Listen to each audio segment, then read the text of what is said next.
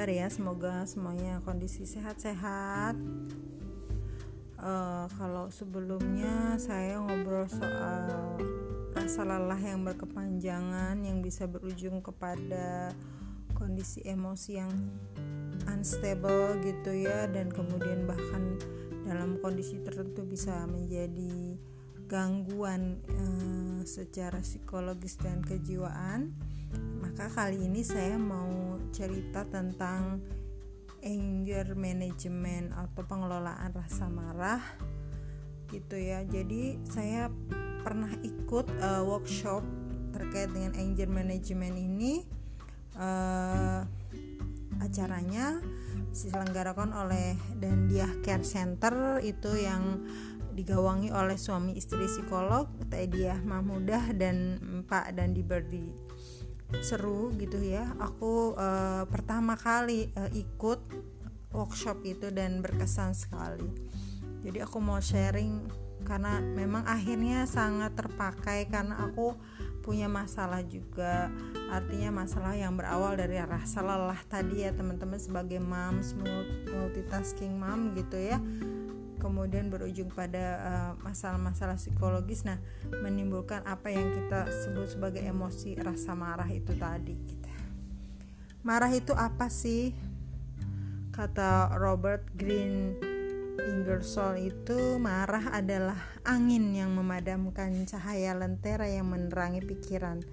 Jadi kebayangkan marah itu bisa bikin gelap gitu. Sesuatu yang angin gitu ya yang kemudian membuat lentera itu padam.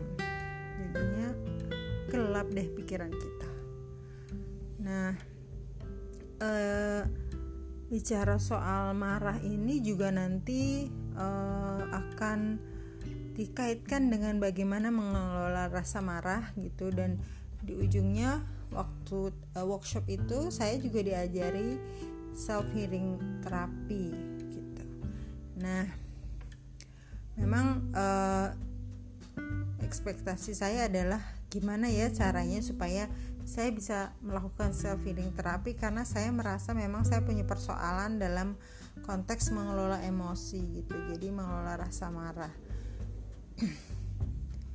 Uh, mungkin di sesi kali ini saya hanya akan uh, bicara soal anger management dan baru nanti pada sesi atau episode berikutnya saya akan sharing juga soal self healing terapi itu ya. Nah, uh, apa sih anger management itu? Apa sih anger pertama kita kita kita perlu tahu rasa marah itu apa. Rasa marah itu merupakan emosi dan emosi sendiri merupakan energi yang private dan sah. Artinya semua orang memiliki emosi sah-sah saja itu. Gitu. emosi juga merupakan energi yang kekal. Dia tidak bisa dimunah, dimusnahkan. Itulah mengapa emosi itu harus dialirkan atau diluapkan bukan dialihkan karena emosi yang dipendam sesungguhnya akan menabrak hakikat dari emosi itu sendiri. Emosi akan tetap ada di dalam jiwa jika tidak dialirkan.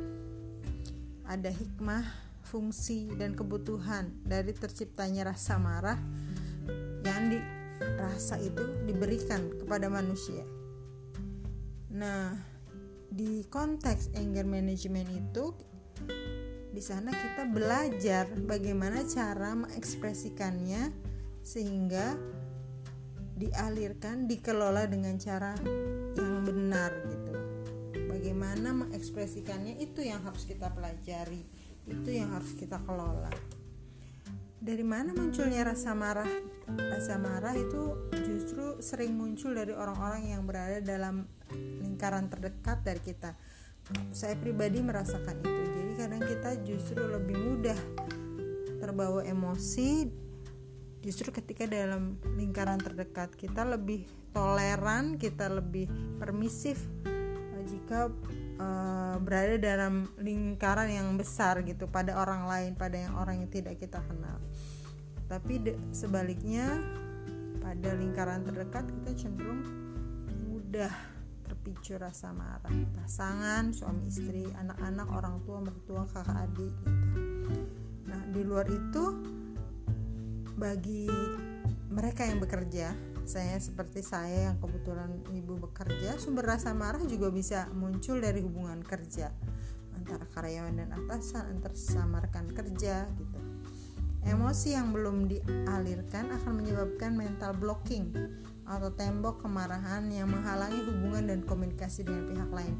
Mental blocking ini dapat berwujud sikap marah, kecewa, burnout, sakit hati, terpuruk sepi atau loneliness, hampa tidak berdaya, rasa mager dan sejenisnya. Dan emosi yang terpendam dan tidak dialirkan dengan baik ternyata bisa menyebabkan sakit uh, psikomas, uh, psikosomatis. Misalnya kayak mah, vertigo, migrain, alergi, bahkan cancer. Efek emosi tidak hanya pada aspek speak, uh, psikis ya namun juga fisik karena kekuatan emosi juga bisa memblok kesehatan fisik nah kemudian kenapa emosi berupa rasa marah itu harus dikelola atau di manage karena daya tahan tubuh sangat terkait dengan emosi yang sehat emosi yang tidak sehat dapat menyebabkan daya tahan tubuh menurun bahkan dalam kasus-kasus psikomatis bahkan selevel kanker itu uh, bisa memicu atau menjadi penyebab semakin kronisnya sakit. Pada banyak kasus breast cancer misalnya dapat diketahui bahwa kasus ini banyak terkait dengan isu forgiveness. Jadi 6 dari 10 pengidap kanker menurut sebuah penelitian itu memiliki kasus atau memiliki forgiveness issue. Sebuah penelitian juga menunjukkan bahwa marah-marah meningkatkan risiko serangan jantung 8,5 kali lebih tinggi setelah 2 jam marah-marah.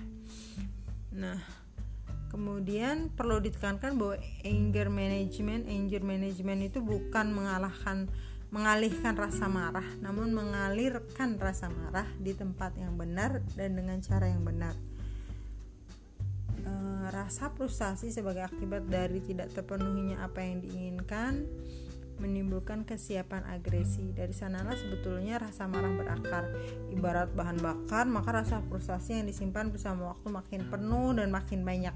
Dengan pemantik yang kecil sekalipun seperti korek api yang menyulut bahan bakar yang penuh, seperti itulah frustasi yang menumpuk dan mengumpuk rasa marah sehingga menjadi sangat rentan untuk meledak bahkan oleh pemantik yang sederhana atau sepele sekalipun. Nah, karenanya kita butuh memberi waktu kepada diri untuk menyadari dulu apa sumber frustasi kita.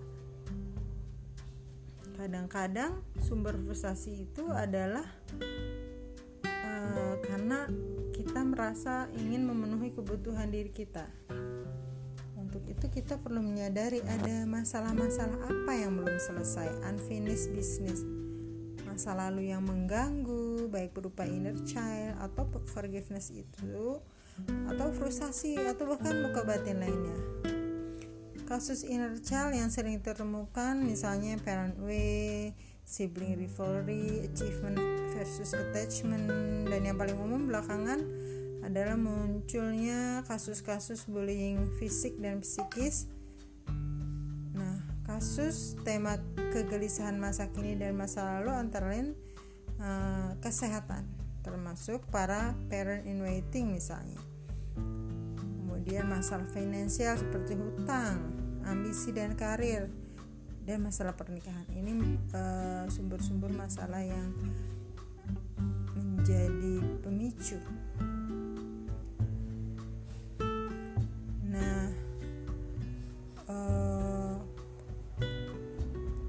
beberapa kondisi status low bed selayaknya bisa kita sadari yang mana setiap orang mungkin berada pada posisi, uh, kondisi yang berbeda-beda terkait dengan titik lemahnya. Ada orang yang mudah meledak ketika lapar, ada yang mudah marah ketika mengantuk, ada yang mudah tersinggung ketika sedang lelah, uh, kurang istirahat atau saat sakit. Kalau wanita saat PMS gitu ya. Atau misalnya tiga kondisi wanita yang rentan uh, seperti mengandung, melahirkan, menyusui itu eh, kondisi-kondisi status lobetnya kita gitu. Nah, kita bisa mencari atau mengetahui pada kondisi mana kita biasanya berada pada titik terlemah gitu. Nah, setelah itu kemudian eh, bagaimana kita menyadari kebutuhan aktualisasi diri sebagai eh, sosok maskulin maupun feminim melalui sebuah talent eh, mapping gitu. Mengelola rasa marah itu penting karena rasa marah memang sangat manusiawi. Rasa marah diciptakan pasti ada manfaat di dalamnya.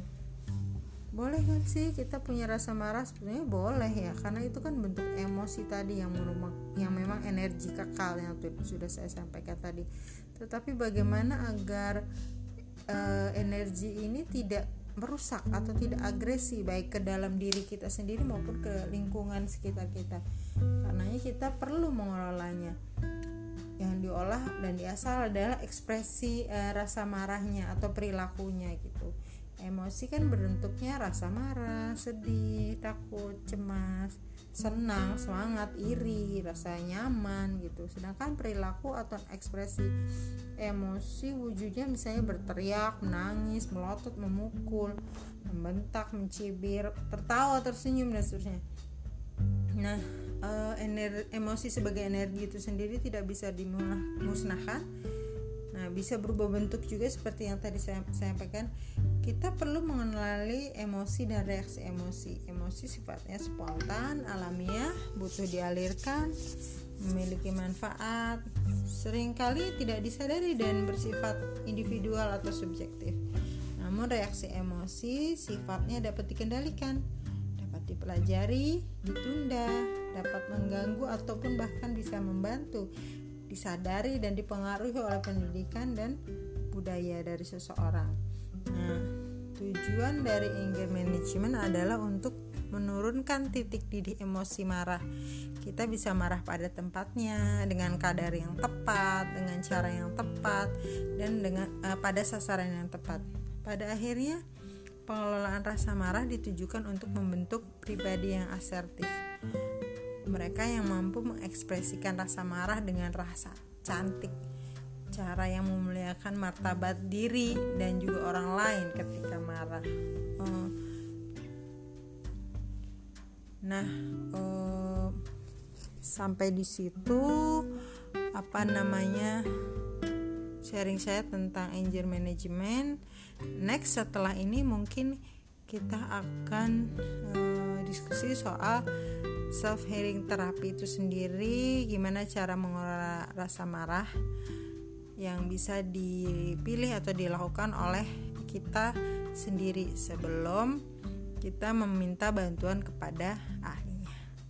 Oke, salam sehat semuanya. Selamat berbahagia, sehat lahir, sehat batin.